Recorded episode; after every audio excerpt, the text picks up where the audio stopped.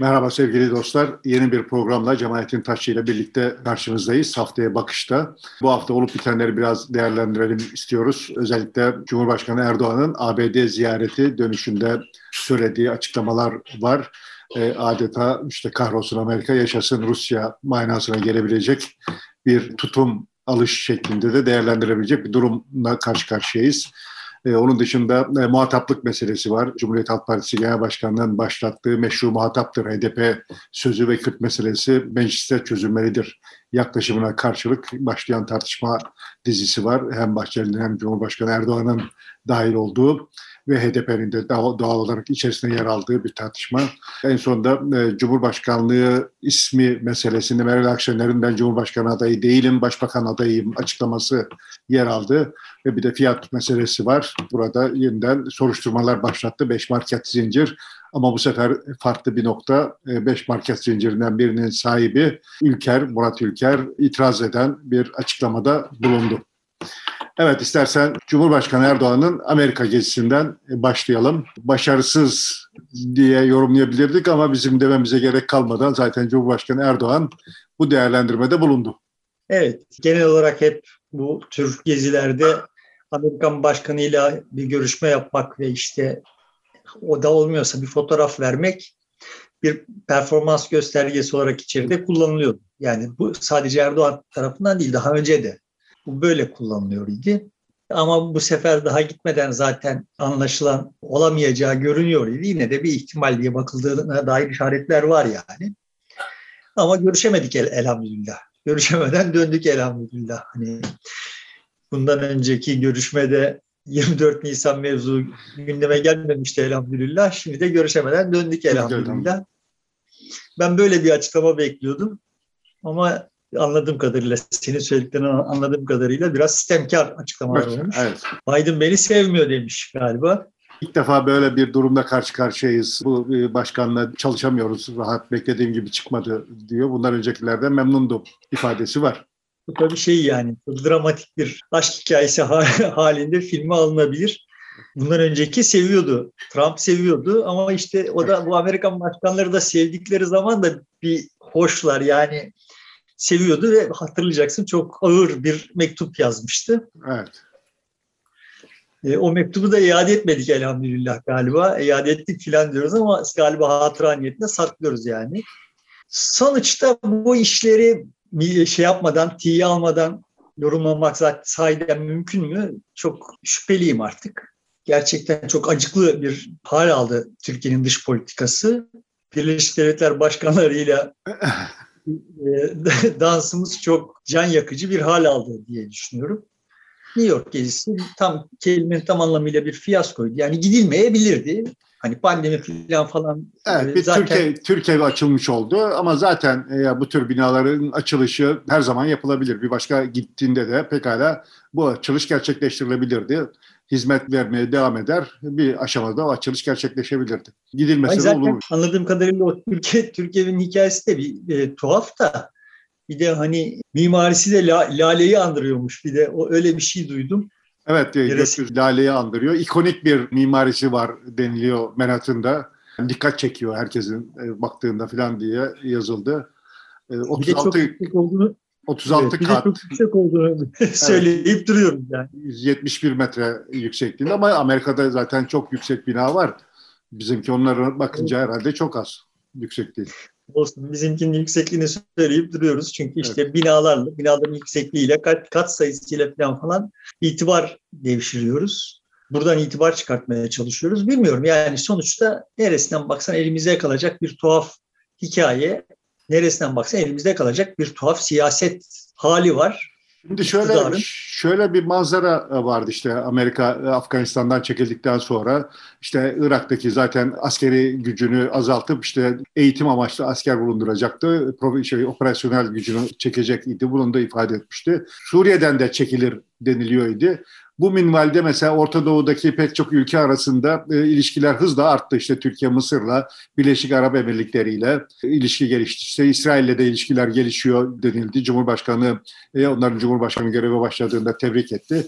Şimdi böyle bir ortamda Amerika işte 30 yılda 3 milyona yakın e, Müslümanı katlettiği, Orta Doğu'da her bir şeyi alt üst ettiği bir dönemde e, buradan çekildiğinde onun peşinden gitmek yerine bu çizgiyi devam ettirmek, işte bölgedeki diğer ülkelerle bir araya gelip ilişkileri arttırmak, sorunları çözmek belki çok daha faydalı olabilirdi.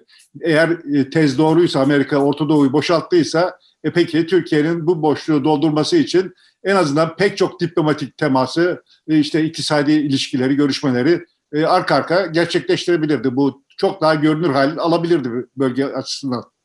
Şimdi ben yani hepimizin mütemadi bir biçimde çok ciddi bir gerçekliği ıskalıyor olduğunu düşünüyorum. Yani sahiden dünyanın bütün dikişleri attı.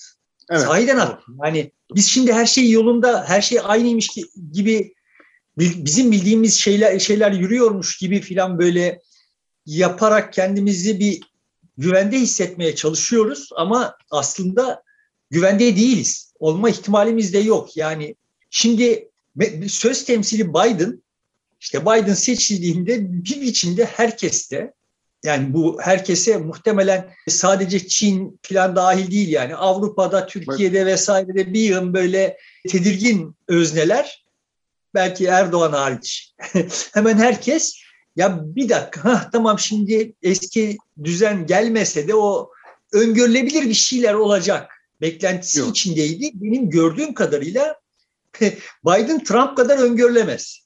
Öyle davranıyor yani.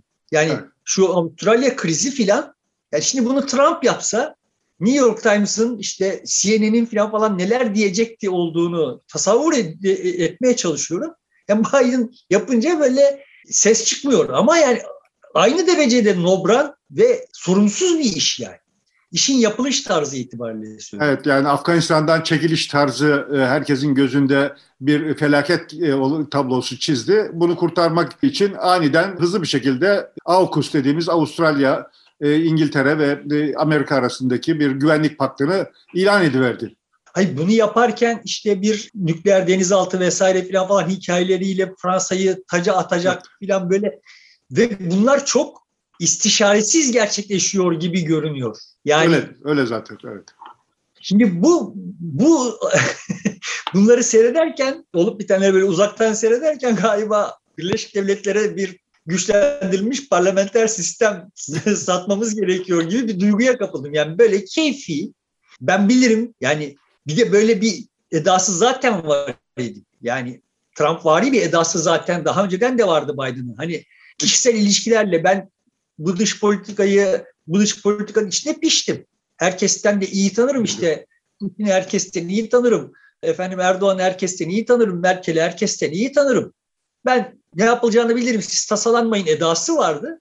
Bunları yekten bu kelimelerle olmasa da böyle söylemişti de yani. Ve öyle davranıyor. Öyle davranıyor ama bir şey bilmediği de görünüyor yani. Evet. Ama şimdi Trump sonrasında bir tutanacak dal arıyordu olan dünya kamuoyu da bütün bunları görmezden geliyor. Hani şimdi Trump yaptığı zaman bunlara itiraz ediliyordu. Bir, bir realite vardı. Şimdi böyle bir mış gibi yapılma hali var. Evet.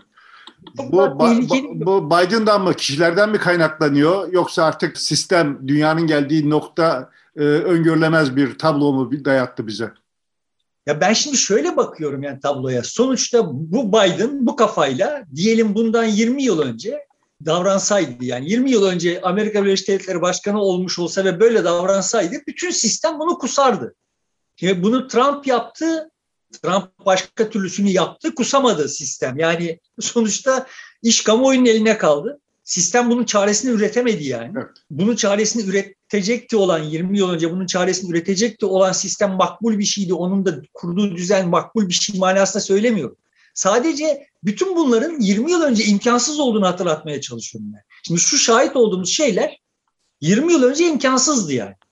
Evet. Ama şimdi mümkün. Yani şimdi Biden orada Avustralya'ya 60 milyar dolarlık bir şey satacak diye yani o değer de benim dudaklarımı uçuklattı. Yani biz şimdi buradan Ruslara 2,5 milyar dolar rüşvet verdik es, bilmem kaçlar için filan diye böyle olan yanıp yakılıyoruz. Adamların verdiği rüşvet 60 milyar dolar yani. Evet, yüksek rakam. 60, yani, Nedir bunlar? Eti ne, budu ne onu da bilmiyorum yani. O, o ölçekleri de bilmiyorum ama yani sonuçta işte bunu yani bütün bunlar imkansız şeyler yani. Birilerinin 60 milyar dolarlık nükleer denizaltı anlaşması yapması öteki taraftan işte yapılmış bir anlaşma varken Amerika'nın Fransa ile Avustralya arasında yapılmış bir anlaşma varken Amerika'nın böyle Fransa ile istişare bile etmeden araya girmesi, iptal ettirmesi vesaire filan falan gibi şeyler olacak işler değildi yani. Pekala böyle ya bir şey olsaydı Fransa'yı da dahil ederek dörtlü bir şey yapabilirlerdi. Ee, onu da yapmadı mesela. Ya bu, bu yani tam nobran böyle yani ne yapacağını bilmeyen bir takım adamların bir takım şovları halinde yürüyor işler ve bunlar mümkün değil. Bizim bildiğimiz dünyada bunlar mümkün değildi. Oluyor ve buna bir reaksiyon bile gösterilemiyor yani. Dolayısıyla hal sahiden yani arkadaki fon Trump gibi insanların mümkün olmasına izin veriyor. Sonra Trump'a karşı, Trump'ın anlayışına karşı bir reaksiyonmuş gibi geliştirilen adamın Trump gibi davranmasına da izin veriyor.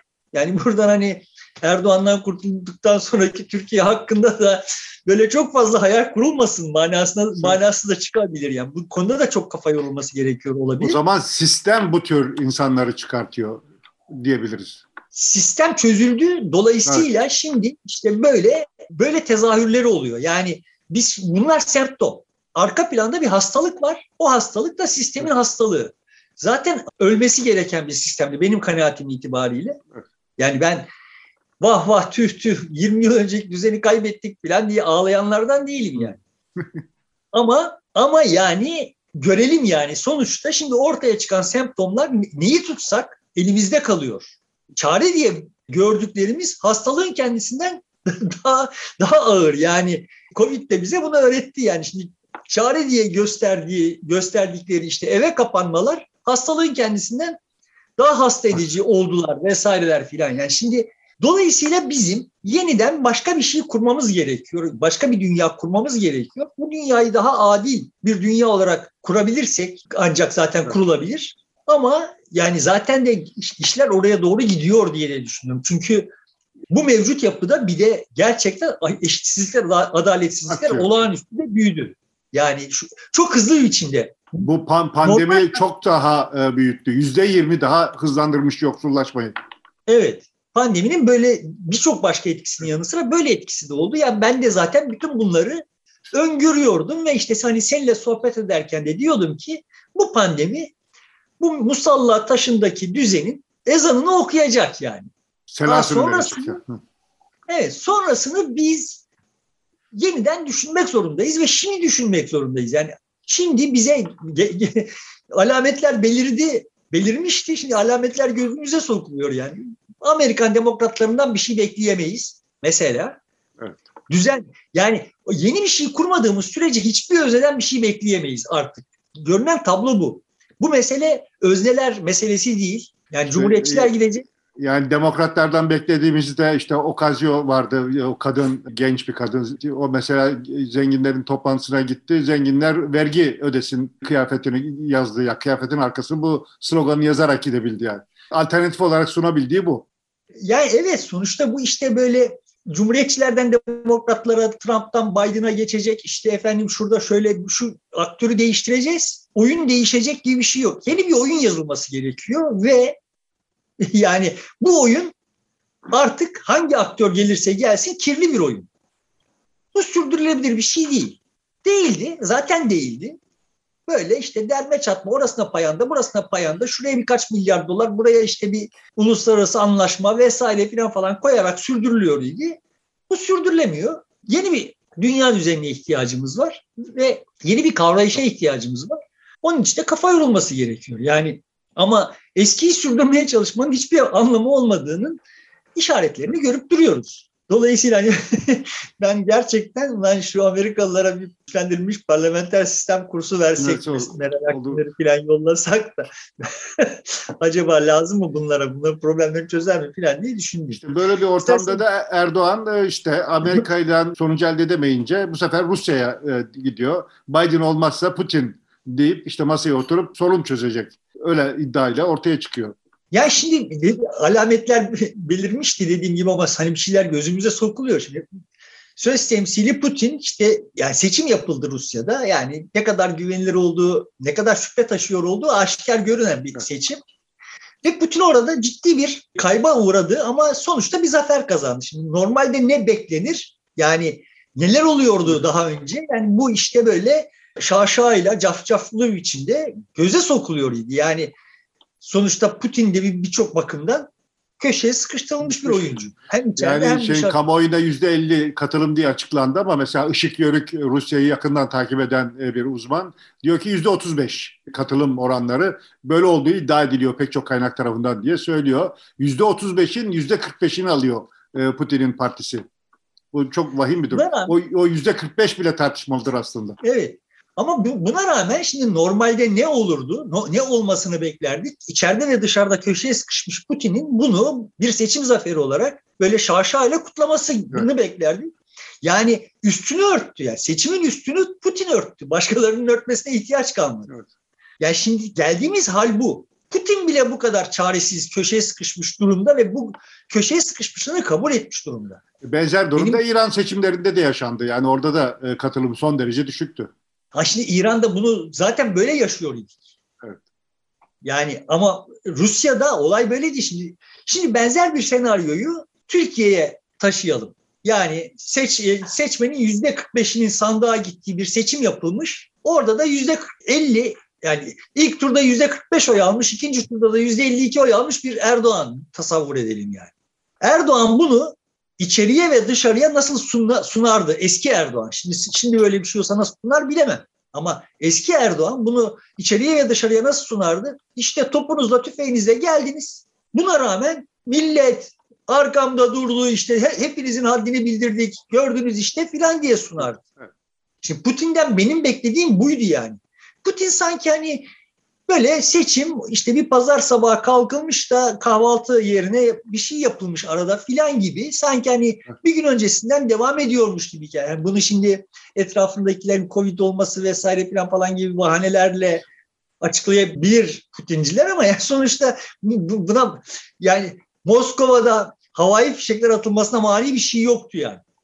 Yoktu hiç sandık etrafında toplanan e, seçmen bile gözükmedi.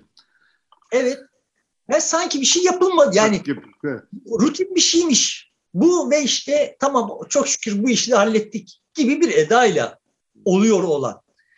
Bu sadece Putin'e has bir olay değil. Diğer hususlar olduğu gibi ben yani aslında bu muktedirler karşısında kendimizi çaresiz hissederken de haksızlık yapıyor olduğumuzu kendimize düşünüyorum. Çünkü muktedirler zannettiğimiz kadar muktedir değiller. Yani sınırlarını gördüler. Bu Covid tablo şöyle bir şey yani. Onlar farkında ki yani Putin farkında, Erdoğan farkında, Biden farkında, herkes farkında ki işte Çin'deki Evergrande skandalı vesaire filan falan etrafında Çin de farkında ki, Çin'e vaziyet edenler de farkında ki dikişler attı. Yani bu ekonominin çarklarını yeniden döndürebilmek artık çok zor. Bu Covid yüzünden kamuoyunda oluşmuş olan devletlere güvensizlik yüzünden toplumları yeniden belli bir homojenlikle harekete geçirmek çok zor. İşler çok zor. Şimdi ne bekleniyordu? İşte devletlerin toplumları kontrol kabiliyetleri bu Covid sayesinde artacak. Yani işte Tam tersi muktedirlerin gücü artacak. Otoriter yönetimler daha da güçlenecek. Çünkü toplumlar oradan medet bekliyorlar denildi ama tam tersi muktedirlerin muktedir olamadığının ortaya çıktığı bir tabloyla karşı karşıya kaldık. Evet şimdi aşı olmuyor millet ve yani aşı olmayana devlet bir şey yapamıyor yani devletler. Çünkü yapamıyor. Neden yapamıyor? Biz şimdi biliyoruz ki Türkiye'de pekala devlet biz biz nasıl biliyoruz? Devlet aşı olmayana zorla aşı yaptırabilir yani filan. Ama şimdi anlaşılan o ki Ankara'da tablo öyle görünmüyor. Yani biz bunların biraz daha üzerine gidersek canımız çok kötü yanacak korkusu var yani suyuna gitmek gibi bir çabanın içine kendilerini çok çaresiz hissediyorlar. Çünkü evet tablo şöyle bir şey. Üst üste üst üste üst üste hastalıklar geldi ve ecza dolabı boşaldı. Şimdi yani çare, geri dönüp baktığında devletler ecza dolabında kullanılabilir bir şey yok. Şimdi bir de enflasyon yükseliyor. Tedarik zincirlerinin kırılması yüzünden bir takım sıkıntılar var vesaire vesaire. Yani işte Covid vardı, şu vardı, bu vardı. Covid vardı ölümler artıyor. Yeni bir dalga geliyor bütün dünyada. Daha bir de hani kuzey yarı kürede kışa giriyoruz şimdi. Yani. Normal seyrini izlerse durum daha da vahim olacak ama ne kimsede yeni tedbirler şeyi var. Yani böyle bir takat yok yani. Ve bu takatin olmadığının farkında olan muktedirler öyle zannedildiği gibi tamam şimdi daha sıkı dijital kontroller vesaireler filan falan gibi şeyler yapamadılar. Aksine bir de son haftalarda aksine devletlerle işbirliği yapıyor olduğu için bu sosyal medya devleri çok daha şiddet bir biçimde sivil toplum eleştirisine maruz kalıyorlar. Yani onlar da arada kaldılar. bir yandan devletler çaresiz, onlara sığınıyor. Bir yandan da ama yaptıkları her hamle çok şiddetli bir reaksiyonla karşı karşıya kalıyor. Yani bu tablonun neyi doğuracağını ben bilmiyorum. Sadece şunu biliyorum. Bu tablo dünya tarihinde benzeri olmamış bir tablo. İlk defa insanlığın başına böyle bir şey geliyor. Şimdi başından Çok... dediğin gibi e, otoriter iktidarlar güçlenecek falan zannediliyordu. İnsanlar onlardan çözüm bekleyecek ve onların talimatlarını büyük oranda uyacak deniyordu. Ama dünyada, Türkiye'de de öyle pek çok yerde insanlar oradan bir ümit, çare neşet etmeyeceğini fark ettiler ve umursamaz hale geldiler. Onların önerilerini sırt çeviriyorlar şimdi. Yani as- aslında vatandaşlar, yığınlar e, bir çözüm üretmiyor ama oranın çözüm olmadığını bize gösteriyor. Çok böyle nasıl diyeyim sağduyulu bir sivil direniş hali var. Sivil direniş diye bizim bile geldiğimiz şeye benziyor değil de. Ama yani aslında bu bir direniş yani sivil direniş yani. Senin söylediğin tabirle kayıtsızlık yani. İşte orada otorite bir, bir şeyler yapıyor ve onu umursamıyor. Ona kayıtsız ve ama yani sonuçta kendi bildiğini okuma kabiliyeti olan yığınlar haline geldi. Tekrar söylüyorum bu 20 yıl önce mümkün değildi. Ve burada bu toplumların güçlenmiş olmasına bakmamız buradan bir fayda üretecek şekilde düşünmemiz gerektiğini düşünüyorum. Yani sonuçta toplumlar bütün aksi propagandaya rağmen görünen o ki otoriteler karşısında 20 yıl öncesine 30 yıl öncesine kıyasla daha güçlüler yani. Sıradan insanlar daha güçlüler. Yani onlara bir şey dayatmak 30 yıl öncesine kıyasla daha zor artık. Şimdi mesela Ve bu ellerinde bu örneği mesela bu tedarik zincirinde beş büyük firmaya, markete yönelik eleştiride de vatandaşın çok umurunda değil. Yani otoritenin gösterdiği gibi orayı sorumlu tutmuyor vatandaş. Tutmuyor canım. Şimdi Türkiye'de zaten çoktan şeyler koptu. Yani Türkiye'de mahalli seçimle birlikte kamuoyunun iktidarın manipülasyonlarına, algı operasyonlarına bağışıklığı çok net görünür oldu, oldu artık. Yani artık bütün bunları sen anlat biz biliyoruz hikayeyi şeklinde okuyor. Olay çok başka bir yerde dönüyor Türkiye'de. Yani iktidar bu tür hikayeler anlatıyor. Kamuoyu bunlara inanmıyor ama sanki geniş bir kesim bunlara inanıyormuş gibi davranıyor vesaire.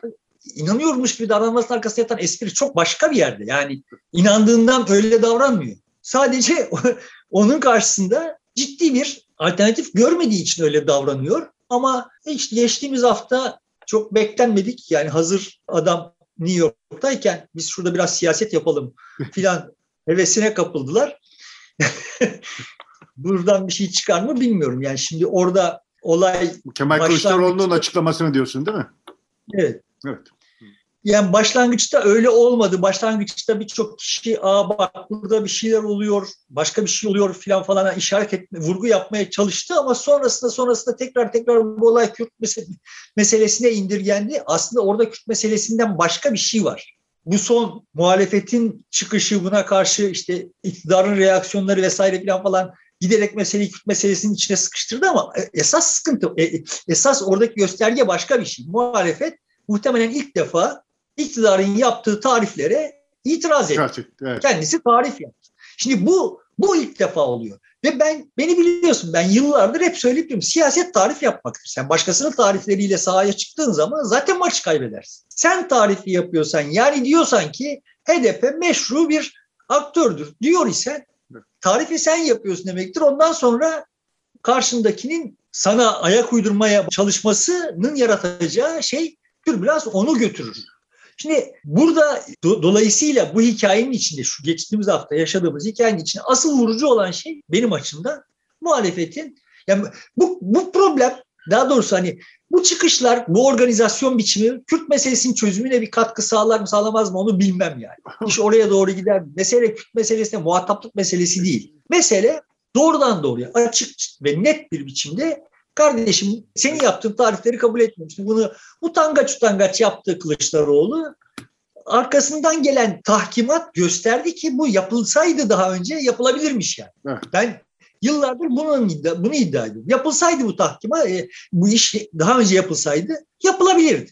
Çünkü eli ayağına dolanıyor karşı tarafın. Yani işte böyle Bahçeli çıkmış böyle zaten bir yıl yine tuhaf tuhaf ne manaya geldiğini anlamadığım, kendisini anladığımdan şüphe ettiğim cümleler arka arkaya dizmiş.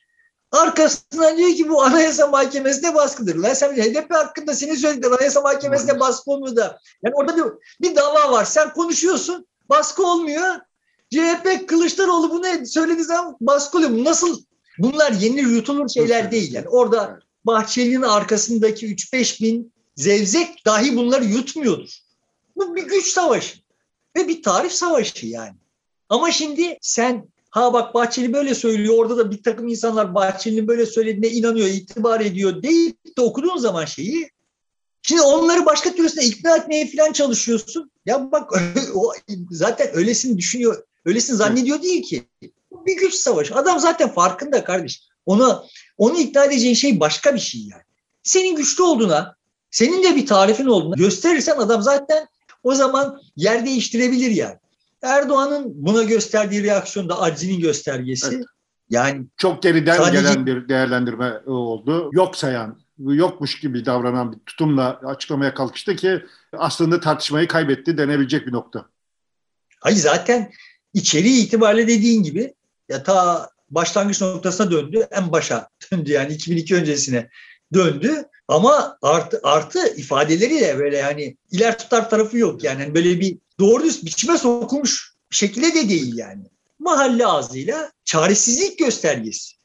Şimdi buradan bir cesaret kazansa muhalefet başka konularda da tarifleri yapmaya başlasa falan filan ne kadar ellerine ayaklarını dolanacağını gördük bu örnekle diye düşünüyorum. Ama burada hani mevzu buraya gelmişken iktidarın muhalefetin işte ana aktörlerinin Kılıçdaroğlu ve yani e, şeyde Musavat da çıkıp şey dedi yani sonuçta biz HDP'li başkanların yönettiği Otur. oturumlardan öncesinde filan. Yani şimdi bu, bu böyleydi de bunu söylemiyordunuz. As- aslında yani. Musavat'ın da yaptığı Bahçeli'nin e, tarifini e, boşa çıkartıyor. Onun karşısında yeni bir tarif yapıyor. Sen meşru evet. değil dedin bunu ama e, parmak kaldırıp e, ondan söz istedin.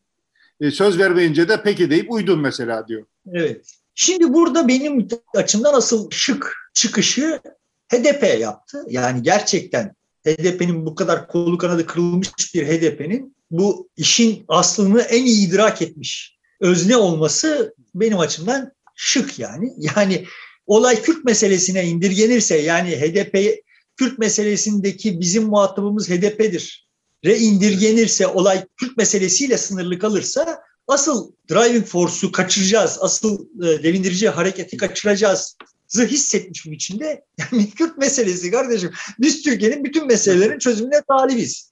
Yani bu çok şık bir çıkıştı olayı Kürt bu meselesi. Esas itibariyle Selahattin Demirtaş'ın ilk çıkışıydı hapishaneden. Anladığım kadarıyla önce HDP bu açıklamayı yapmış. Bir iki saat sonra bize ulaşması itibariyle galiba Türkiye'nin kamuoyu Selahattin'e daha hassas olduğu için oradan gelen şey daha önce duyuldu ama anladığım kadarıyla zamanlama itibariyle önce HDP yapmış. Ben de önce Selahattin Demirtaş'ın yaptığını zannediyorum. E, kamuoyu duymadan Selahattin Demirtaş nasıl duydu onu da bilmiyoruz tabii. Ondan belki farklı olarak kendiliğinden inisiyatifi geliştirmiştir. Hayır, sonuçta şimdi, şimdi şöyle yani sen bir gazeteci olarak Selahattin Demirtaş'ın da HDP'nin de tweetlerini, Twitter'larını, hesaplarını izliyorsundur falan falan ama e, yani e, HDP'nin Twitter'ına 8 saatte bir bakıyorsundur. Selahattin Demirtaş'ınkine 2 saatte bir bakıyorsundur. Dolayısıyla mesajı buradan öğrenmen daha önce olabilir yani. Evet. Ondan sonra da bu Selahattin'in fokurdatması kamuoyunu Selahattin Demirtaş'ın yaptığı açıklama fokurdatmış olabilir. Ama yani zamanlamaları itibariyle görünen o ki önce Mithat Sancar ve HDP yapmış galiba şeyi, açıklamayı. Evet. E, Ama sonuçta, dikkatini çeken bir şey varsa ikimiz de burada HDP ile Selahattin Demirtaş'ı farklı e, unsurlar olarak, farklı merkezler olarak değerlendirdik. Evet ama ikimizin bunu böyle değerlendirmesi arkasındaki sebepler farklı. yani oralara da girecek girelim mi bilmiyorum yani. Sonuçta yani tabii HDP içerisinde de bir takım farklılıklar var. O da e, zaman zaman gün yüzüne çıkıyor. Bu da bilinen bir şey ama o şimdilik tali bir mesele gibi duruyor. Ben yani sadece HDP içindeki farklılıklar e, esprisiyle bakmıyorum. Sonuçta Selahattin Demirtaş'ın kendisini HDP'den ayırmak için bir çaba harcadığını da düşünüyorum. HDP'nin Selahattin Demirtaş'tan ayırmak için bir çaba harcadığını da düşünüyorum. Ama sonuçta bunların iki ayrı özne olarak davranıyor olmaları ikisinin de menfaatine. Türk siyasetinin için, sağlığı içinde daha iyiymiş. Ve yani olay böyle gelişti. Böyle gelişir yani bu işler. Esas böyle... itibariyle Selahattin Demirtaş HDP'den ayrı düşünmüyor ama e, muhtemelen Kandil ve şeyden e, İmralı'dan ayrı düşünüyor. Onu ortaya koymaya çalışıyor daha bariz bir şekilde. Burada işte sonuçta e, evet Selahattin Demirtaş'ın Kandil'le mesafeyi daha HDP'nin açıklamasına kıyasla Selahattin Demirtaş'ın açıklaması Kandil'le mesafeyi daha net Koyuyor. biçimde ortaya koyuyor. Evet yere geliyor. Ben de hani kendi blogumda yazdım. Sonuçta bu mesele Kürt meselesiyle ilgili bir şey değil. Yani bu mesele demin dediğim gibi tariflerle ilgili bir şey ve HDP'yi sizin tarif ettiğiniz gibi değil, bizim tarif ettiğimiz gibi kabul ediyoruz denmesi. Ya yani biz biz onu yeniden tarif ediyoruz ve böyle tarif ediyoruz denmesi mühim bir şeydir, siyasettir. Ve fakat mesele Kürt meselesine indirgenecek olursa zaten benim açımdan hani canım bizim muhatabımız HDP dedin sen de yani Kandil ben buradayım dediği zaman ne yapacaksın? Yani ortada ne yapacağını bilmediğimiz bir özne olarak bir Kandil diye bir şey var iki tane suikast, üç tane terör eylemi falan falan yaparsa hani sen HDP'yle muhatap aladır yani burada. ne, olacak yani? Olay e, demek istediğim Kandil'in yani ben bunu hani sahiden de Kürt meselesine yeni bir nasıl desem Kürt meselesinin çözümü için yeni bir güzergah olabilecek olduğunu düşünenlerle tartıştığımda da kendi hesabıma yani Kandil'in bunu nasıl karşılayacağını sorduğunda da bana çok tatmin edici cevap veren olmadı yani. Evet. Bilmiyorum, ben de bilmiyorum. Kandil'in bunu nasıl buna nasıl reaksiyon göstereceğini. Ama tekrar söylüyorum yani buradan Kürt meselesinin çözümüne kestirme bir yol var filan diye hayal etmiyorum. Edenlere de şaşır, şaşırıyorum. Ama siyaset yapıldı Türkiye'de ve ben de böyle gözlerim kamaşarak izledim yani. bir gün boyunca siyaset yapıldı. Nereye doğru gider Birkaç gün sürdü, bir hafta sürdü canım, bir gün değil. Doğru tarafından tutulursa daha da sürecekmiş gibi gözüküyor. Yani evet, sonuçta ihtiyacımız var. Evet. Burada hani başladığımız nokta neydi? Sonuçta kamuoylarının sınırladığı ve işte imkanlarını verdiği bir takım aktörler var. Bu aktörler e, kamuoylarına daha hassas davrandıkları sürece de bir buradan bir çıkış bulma şansımız, bir çıkış üretme şansımız var. Aksi halde biz mevcut aktörlerin oyuncu olduğu bizim seyirci olduğumuz bir düzeni sürdüremeyeceğiz yani. Evet. Meseleyi buraya getirirken kastım buydu galiba. Şimdi tabii Biz... bu tartışmanın gelmesinin bir bir anlamlı tarafı da şu. Bu hafta içerisinde HDP bir bildirge yayınlayacak kamuoyuna. Üçüncü yolu tarif eden iki ittifakın dışarısında bir başka çıkışı da ortaya koyabilecek olan. Böylece HDP yeniden siyasetin bir aktif üyesi haline dönüyor e, izlenimi de doğuyor bu tartışmalarla birlikte. Evet, sonuçta şimdi biz hepimizin gözün önünde olduğu işler, biz olayı şöyle gördük yani. Erdoğan HDP'nin kolunu kanadını kırıp bütün imkanlarını sıfırlayıp ama işte kendisine parti kapattıran adam dedirtmemek için de onu orada topal ördek gibi tutarak fakat Kürtlerle ilişkisini İmralı üzerinden yürüterek bir oyun kurmaya çalıştı. Şimdi Erdoğan'ın genel olarak tarzına uygun bir tarz bu. Yani sana vay terörist falan falan der ama ondan sonra gider işte terör örgütü lideri olarak kodlanmış, yargılanmış bir mahkuma da bir muhatap olarak davranır yani. Erdoğan yapabilir bunu. Başka sen yapmaya kalkarsan kıyamet kopar ama bütün polis ve istihbarat peşine düşer ama yani o yapabilir bunu. Şimdi bunu biliyoruz ve böyle davranıyor idi. Yaptığı tarih de buydu işte. Tam da de, de, derdim bu şimdi. HDP'yi kirlet, kirli bir şey özne olarak tarif edip bak bunun peşinden giderseniz Kürtlere size yağmurlu havada su yok diyor ve muhalefeti de ona dokundukları için kirli ilan ediyor idi. Şimdi bu tarifi kabul ettiğin zaman sen muhalefet olarak Erdoğan'ın yaptığı tarifi kabul ettiğin zaman senin manevra alanı kalmıyor. Bu tarifi değiştirdiğin zaman bütün oyun bozuldu. Yani şimdi Erdoğan için Erdoğan'ın kurduğu oyun bozuldu ama Erdoğan bildiği oyun o oyun. Başka bir oyun bilmiyor. Dolayısıyla bu oyunun içinde evet e, HDP'nin çaresiz ve işte imkansız olması gerekiyor idi her bakımdan. Yani kolayca üzerine kir bulaştırılabilir. Yani her şey üzerine atılabilir. Her günah üzerine atılabilir bir özne olarak orada durması gerekiyordu. Niye kapatılmıyordu? Bundan kapatılmıyordu. Yani yoksa madem öyle yani madem iddialarınız doğru kapatın. Yani şimdiye kadar yıllardır söyleye geldiğim şey bu. Kapatmıyorsanız suçlusunuz. Yani sizin iddialarınız doğruysa ve siz kapanması için bir şey yapmıyorsanız suçlusunuz yani. E şimdi bu suçlamadan kurtulabilmek için orada göstermelik bir dava açtılar. Nereye doğru gidecek falan, falan bilmiyoruz. Ama sonuçta buradaki temel strateji HDP'yi çaresiz bırakmaktı ve yani bütün kadrolarını vesaireleri içeri alarak falan bu işi yaptılar orada. Bir karton tabela partisi olarak onu orada tutarak. HDP'nin içinde de çok bileşenlilikten kaynaklanan bir takım sıkıntılar nedeniyle vesaire de anladığım kadarıyla başka şeylerde, başka problemler de vardı. Ve evet sonuçta bu iş Erdoğan istediği gibi gelişti. Ama şimdi muhalefetin bu çıkışı HDP'nin tam ben buradayım demesinden önce HDP'nin ben buradayım demesini birdenbire çok anlamlı bir hale getirdi. Yani eğer şu geçtiğimiz hafta yaşadığımızı yaşamasaydık gelecek hafta HDP'nin yaptığı açıklama muhtevası ne olursa olsun bir anlam taşır mıydı bilmiyorum. Şüpheliyim yani. Ama şimdi evet o ekstra bir anlam taşıyor gibi görünüyor ve içinde HDP'nin ağırlığı olan bir Türk siyasetinde şeyler daha bekleyebiliriz yani.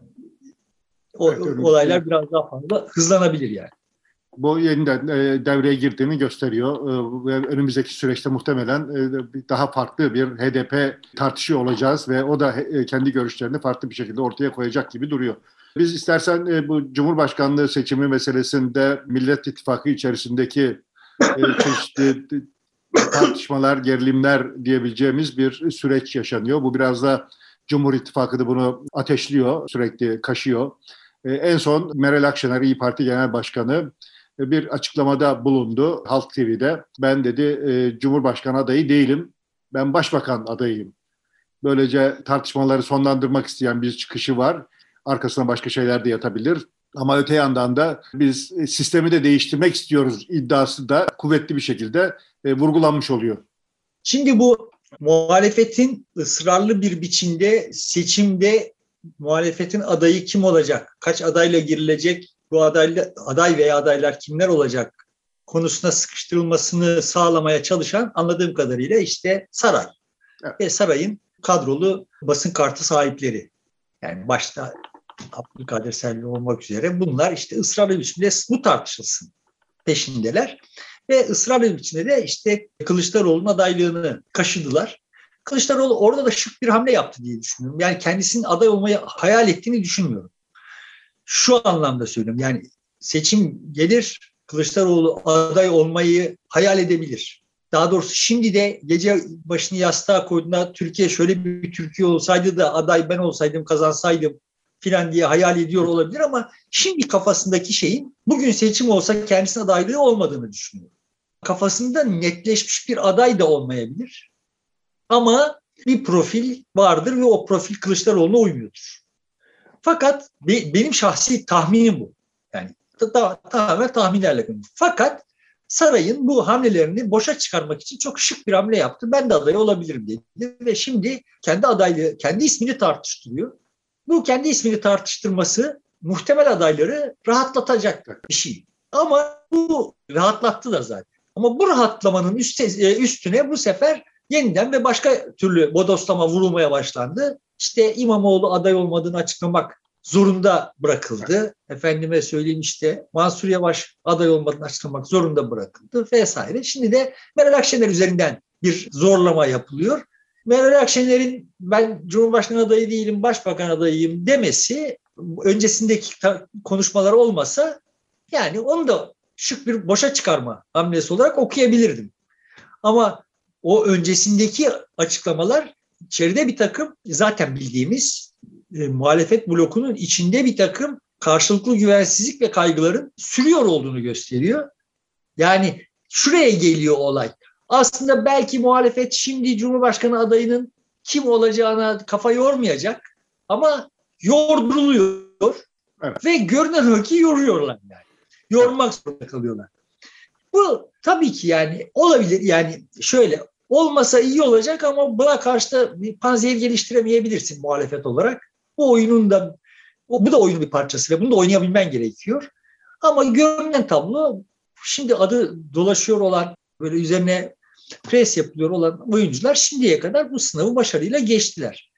Ama arkada kaygılar büyüyor, endişeler büyüyor. Yani bunların kontrol edilmesi, yönetilmesi gerekiyor. Aksi halde bu kaşına kaşına kangrene dönebilir. Ve burada güya muhalefet tarafında olan kesimlerin de bu oyuna gelmesini çok anlamlı bulmuyorum. Ya kardeşim daha aday açıklanana kadar çok köprünün altından çok sular akacak ve yani evet sonuçta Fehmi Korun'un kurduğu oyun da orada yürüyor gibi görünüyor. Yani belki de iktidarına da Erdoğan olmayacaktır yani onu da onu da bilmiyoruz yani tablo çok çok değişkenli bir tablo ve herkesin eli çok kötü yani. Herkesin eli kötü. Benim demeye çalıştığım, başından beri demeye çalıştığım şey şu yani oyun öyle bir oyun ki oyundaki bütün oyuncuların zaafları meziyetlerinden çok daha fazla.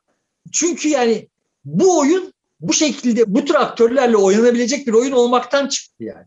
Dolayısıyla başımız ağrıyacak. Şimdi bu e, ağrıyacak olan başımızı daha çok ağrıtmanın alemi yok. Aday tartışmanın anlam, anlamı yok yani. Aday tartışmasına odum taşımanın da anlamı yok. Aday son anda ve çaresizlik içinde belirlenecek yani.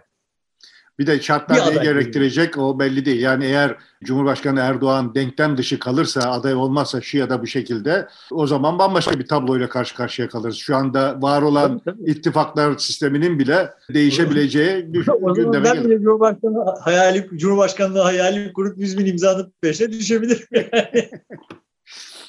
Evet, çok aday çıkabilir o zaman. Farklı bir şey olur. E, şimdiden onu öngörmek, oradaki denklemi nasıl kurulacağını kestirmek çok da kolay değil. Tabii tabii oraya nasıl gideceğimiz çok tayin edici olacak. Dolayısıyla hani asıl o oyunu kurmak gerekiyor ve işte hani bu şu bir haftada yaşadıklarımızdan alınan dersle tarifleri yapmaya başlarlarsa yani bunun ilk işaretini neydi? Gara operasyonu sırasında görmüştük. Yani orada da aslında utangaç bir şekilde tarif yapılmıştı. Yani şey, biz bunu böyle vatan müdafası, kahramanlık vesaire olarak görmüyoruz dediklerinde ya bu yeni bir tarifti bu ve evet. İktidar çaresiz kalmıştı. Şimdi iktidarı e, uluslararası düzlemde herkes sıkıştırıyor iken, herkes bir tarafından bir şeyler koparıyor iken onun tariflerinin ne kadar manasız olduğunu yani İdlib tarifinin ne kadar manasız olduğunu, Suriye tarifinin ne kadar manasız olduğunu, Mavi Vatan tarifinin ne kadar manasız olduğunu yani sonuçta Akdeniz'de Türkiye'nin menfaatlerini korumak vesaire falan hoş şeyler, herkesin de isteyebileceği şeyler ama bunun böyle Mavi Vatan kahramanlık vesaireler falan falanlarla yani bu şekliyle yapılmasının yanlış olduğunu Yunanistan'la, Mısır'la, İsrail'le olabildiği kadar geniş katılımlı bir şeyle yapılmasının daha makul olduğunu vesaire falan falan tarifleri böyle yapmaya başlayabilirsin ve evet sonuçta her yeri dökülüyor iktidar. Her yerden tornistan etmek zorunda kalıyor. Yani şimdi önümüzdeki hafta Soçi'de ne ile karşılaşacak? Bugün Merkel gidecek. Evet her ihtiyaç duyduğunda kendisine destek veriyordu olan bir aktör olarak Merkel gittikten sonra neyle karşı karşıya kalacak iktidar bloku bunu bilmiyoruz. Trump gitti, Merkel gitti e, diyebiliriz artık. Gitti. Bir de Putin de aslında çok sağlam gibi gözükmüyor. Her an değiş, Soçi'de, değiştirilebilecekmiş bir izlenimi de var. Putin'in e, Soçi'de Erdoğan'ın önüne ne koyacağını bilmiyoruz ama evet, yani sonuçta Erdoğan'ın Putin'e yaptığı işte bu Kırım çıkışı efendime söyleyeyim yani muhtelif diğer çıkışları da baktığımız zaman da Putin'in de öyle çok dostane davranmayacağı. Mesela işte geçtiğimiz hafta, ondan önceki hafta biz İdlib'de şehit verdik ve üstü örtüldü. Bu muhtemelen Rusların işi yani. Evet. Ya büyük Rus destekli iş yani. O son 36 ayda 12 şehidimiz var İdlib'de bu büyük oranda rejim ve Rusya'nın görmezden gelmesi, doğrudan Rusya demesek bile görmezden gelmesi, e, açık destek vermesiyle olan şeyler. Yani Rusya'nın böyle şeylerde yani bu tür operasyonları bizim bize şehit verdirmeyi işaret olarak kullandığı, Ankara'ya işaret olarak kullandığına daha önce defalarca şahit olduk. Evet, olduk evet. Muhtemelen bu da öyle bir işaretti ki üstü örtüldü. Yani o, o şehidin cenazesinden bile haberdar olmadım ben yani. Nereliydi, nerede cenazesi kalktı. Şimdi dolayısıyla öyle çok Amerika'dan yüz bulamamış Putin sevgisine karşılık vermemiş işte yeni bir izdivaç arayarak Soçi'ye gidiyor olduğunu düşünmüyorum yani Erdoğan'ın. Oradan da çok ağır bir faturayla dönmek dönmesi ihtimal dahilinde. Evet. Hemen belli olmaz tamam. o fatura ama bir süre sonra ortaya çıkabilir. Belki de bazı noktaları hemen de çıkabilir. Yani İdlib konusunda çok ciddi yani şimdiye kadar bize şu taahhütlerde bulunmuştunuz, bu taahhütlerin hiçbirisini yerine getirmediniz. Ha, şimdi deadline şu gibi bir takım şeyler de olabilir. Yani Putin'in bunları yani çünkü çok Putin'in canını yakacak işler de yapıldı yani. Putin'in çok yumuşak yerlerine de basıldı yani. Evet, istersen buradan da Almanya seçimlerine geçelim ama Almanya seçimlerinden önce 1 Ekim'de bizim meclis açılıyor. Muhtemelen bu sene seçimin, erken seçimin çok tartışılacağı bir dönem olacak. Seçim şartlarına girdik gibi. E, ne zaman olacağı belli değil. Her an olabilir. Böyle bir tabloyla karşı karşıyayız. Meclisin evet siyasetteki ağırlığı etkisi az ama hala elinde e, kritik bazı yetkiler var. Yani ben sadece meclisi değil birçok şeyi çok fazla ciddiye almıyorum. Çok başka düzlemlerde yürüyor olduğu için işler ama sonuçta ben benim genel kanaatim şu, hissiyatım şu. Muhalefet çok acil bir seçim istemiyor gibi görünüyor. İstese daha doğrusu şöyle bugün Türkiye'de herhangi bir muhalefetin Türkiye Erdoğan'ı seçime zorlamak için elinde yeterince koz var. Bunlar kullanılmıyorsa iki sebeple olabilir. Ya bu kozların farkında değil muhalefet. Bu da ihtimal dahilinde.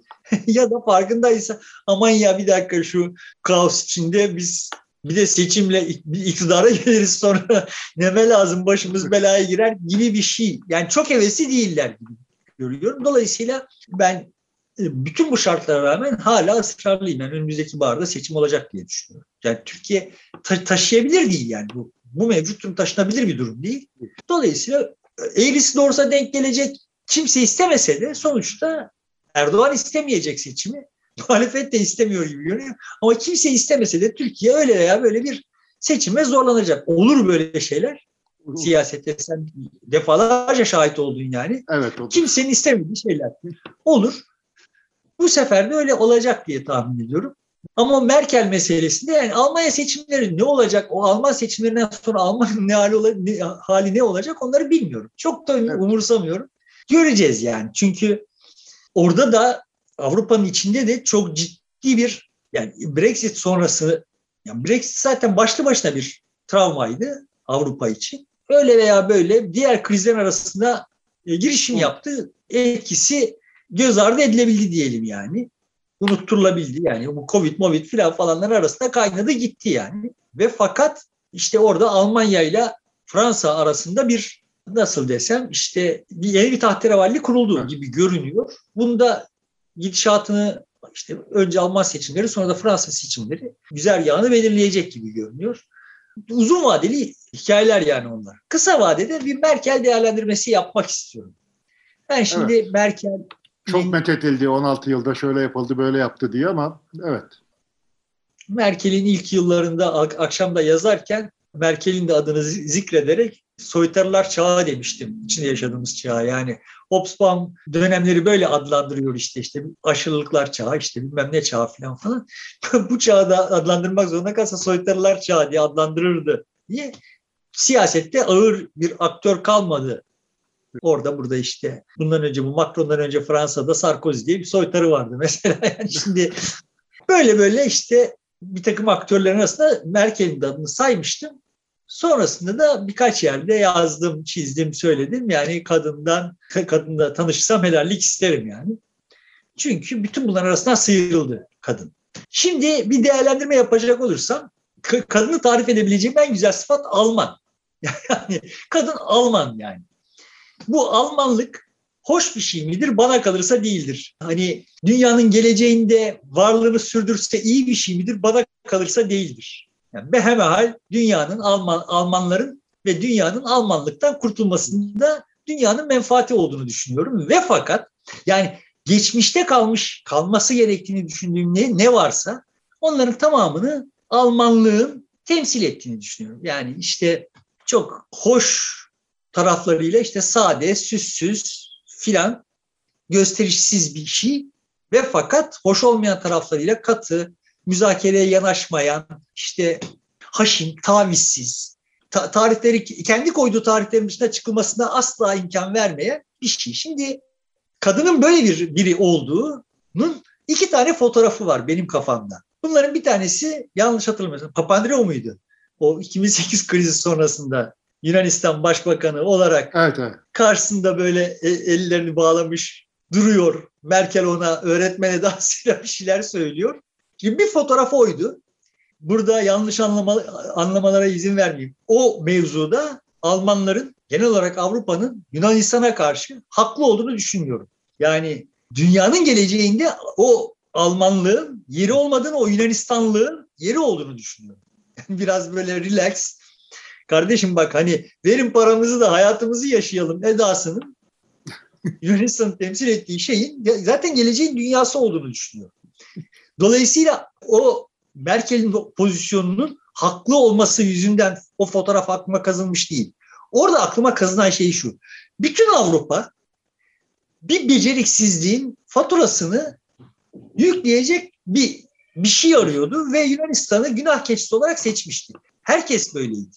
Yani Allah'ın İspanyolları da böyleydi, İtalyanları da böyleydi, Fransızlar da böyleydi. Fakat hepsi lafa eveleyip geveliyor. Dillerini ağızdan içine dolandırıp duruyorlar. Orada kendisine kötü denmesini, cadı denmesini göze alarak Almanca çıkıp bir sorumluluğa, sorumluluk üstlenecek birisine ihtiyaç duyulduğunda tamam lan ben buradayım. Dedi. Dedi kadın. Tamam şimdi o kötü bir rol benim açımdan. Ama kardeşim ya biriniz de çıkın ya. Bütün parsayı topluyorsunuz. Avantajlarını yaşıyorsunuz. Ulan sorumluluk gerektiğinde de çıkın biriniz ya. Erkeksiniz hani şimdi cinsiyetçilik yapayım ya. Hepiniz erkeksiniz yani. Lan bir kadın çıktı dedi ki kardeşim tamam kötü olmayı ben göze alıyorum. Papandreou'yu böyle ben azarlayacağım yani. Tamam, o fotoğraf benim açımdan çok Merkel'i tarif eden bir fotoğraftır. İkincisi o zaten böyle yüreğimin yağlarını eriten bir fotoğraf. Yine Birleşmiş Milletler miydi? Öyle bir şeydi. Trump böyle geçimsiz bir edayla yaramaz çocuk edasıyla böyle o kollarını bağlamış oturuyor. Bütün Avrupa liderleri etrafında hatta dünya liderleri Japonlar, Çinler falan falan ve masaya dayanmış böyle Trump'a hesap soruyor olan bir Merkel. Evet. Hatırlarsın o fotoğrafı. Yani oradaki o surat ifadeleri, o erkeklerin vur vur o benim intikam edaları filan falan böyle. Yani kadın itiraf etmem gerekiyor ki sorumluluk alması gerektiği yerde her durumda sorumluluk alıp Almanlığı yaptı. Yaptığı işi takdir etmiyorum. Yani Almanlığı takdir etmiyorum. Ama ya kardeşim bak Almansın. Ya sana yakışıyor olan Almanlık yapmak. Nedir bu yani? Şimdi ne yaptı Merkel? 2008 krizi geldi ve olayı kendince teşhis etti. O teşhis çerçevesinde Amerika, Alman ekonomisini yeniden yapılandırdı. En çabuk o çıktı. Yani ne, ne manada en çabuk o çıktı? En çok istihdamı o yarattı. En çok kadın istihdamını o yarattı. En çok yaşlı istihdamını o yarattı. Ve bütün bunları yaparken de yeni ekonomiye geçmeden yaptı. Yani işte finans ekonomisine geçmedi, bilgi ekonomisine geçmedi. Klasik bildiğimiz ancak Almanlar yani Almanların ancak becerebileceği sanayinin içinde kalarak bunları becerdi kadın. Şimdi ben sanayinin sonunun geldiği bir dönemde dolayısıyla Almanlığın sonunun geldiğini düşündüğüm bir dönemde bu başarıyı dünya için bir ya da Almanlar için bir menfaat olarak görmüyorum. Zaten Merkel'e yönelik ekonomik politikalarına yönelik genel kritikler de burada düğüm oluyor. Yani tamam evet çok başarılı oldu Almanya bu dönemde ama biz geleceğe hiç hazırlanmadık. 16 yıl boyunca geleceğe hiçbir şey yapmadık yani. Daha yeşil bir ekonomi veya işte daha bilgi ekonomisi veya daha finans bir şey yok yani ortada. Bizim elimizdekileri evet çok iyi kullandık ama bu elimizdekilerin 20 yıl sonra büyük mü olmayacak? Kritikler genel olarak burada yoğunlaşıyor ve ben de burada buradan eleştiriyorum. Yani ben de Alman olsaydım buradan eleştirirdim diyeyim. Bana ne? Almanlar 20 yıl sonra yokmuşlar. Alman ekonomisi dünyada yokmuş. Bana ne yani? İşin orasından bakınca da. Ama yani çağa ayak uydurmak konusunda çok cevval ve vizyoner değil. Ama kadın Alman olmanın hakkını verdi. Dibine kadar verdi. Herkesin çuvalladığı yerde bu işleri başardı ve demin de işaret ettiğim böyle birkaç noktada gerçekten bir sorumluluk alacak birine ihtiyaç duyulduğunda ben buradayım kardeşim. Yani Avrupa adına mesela Erdoğan'ı desteklemek üzere gelip altın varaklı koltuklarda oturma işini de o yaptı. yaptı. Aslında bütün Almanya'da, bütün Avrupa'nın menfaatini korumak için yaptı yani. Yani onu mesela işte Sarkozy de yapamadı, Macron da yapamadı. Böyle ağız dalaşına girdiler. Carçurt falan. Kadın Erdoğan'la dalaşmadan ama işte onu onaylamadan ve fakat onun ihtiyaçlarını bizim menfaatimizin aleyhine onun ihtiyaçlarını da karşılayarak falan pekala bütün bunları son derece Almanca yürüttü. Almanlar muhtemelen kadın bu seçimde aday olsaydı yine seçeceklerdi. Evet. Bu, bu türbülans içinde başka bir güvenilir liman olmadığı için muhtemelen yine seçeceklerdi ve kadın bu anlamda da ya tamam kardeşim yeter bu kadar demeyi de becerdi. Bu yüzden de takdir ediyorum. İlginç bir figür olarak tarihte yerini aldı diye düşünüyorum. Biz de onu bir şekilde hatırlayacağız yani. Yani birçok unutulmuş olan oyuncuların yerinde kalmayacak. Orada hatırlananların evet. yanında kalacak diye düşünüyorum yani. Evet. Türkiye'yi de kötü sözü aslında Merkel söyledi. E, siz Avrupa Birliği üyesi e, olmayacaksınız. E, ayrıcalıklı üye olarak kalın diye bir öneriyle o yaptı diğerlerinin yapamadığını. Evet. Kimsenin yani kimsenin sorumluluk istemediği yerde böyle Alman sadeliği ve işte nobranlığıyla, katılığıyla her gerektiğinde gerekmedikçe de ortaya çıkmadı. Yani evet. bir de o tarafı var kadının. Yani ki sahiden bir kriz yoksa, sahiden bir ihtiyaç yoksa ben buradayım da demek gibi bir şeye de kapılmadı. Tam işte Almanlık derken kastettiğim şeylerin bileşen olumlu tarafları bunlar yani. Kadın tam gerektiği yerde, gerektiği dozda gereken acı ilacı verdi. Orada bir kanser hastasına müdahale etmeye çalışan bir doktor edasıyla olması gerektiği kadar rol çalmadan ama kendi rolünü de kimsenin üstüne yıkmadan, sorumluluklarını kimsenin üstüne yıkmadan bir 16 yılı tamamladı. Diyelim burada bitirelim. Bitirelim. Evet. Belki peki. veda ederek. Evet. Peki sevgili dostlar burada bitiriyoruz. E, yeni programlarda görüşmek üzere. Şimdilik hoşçakalın.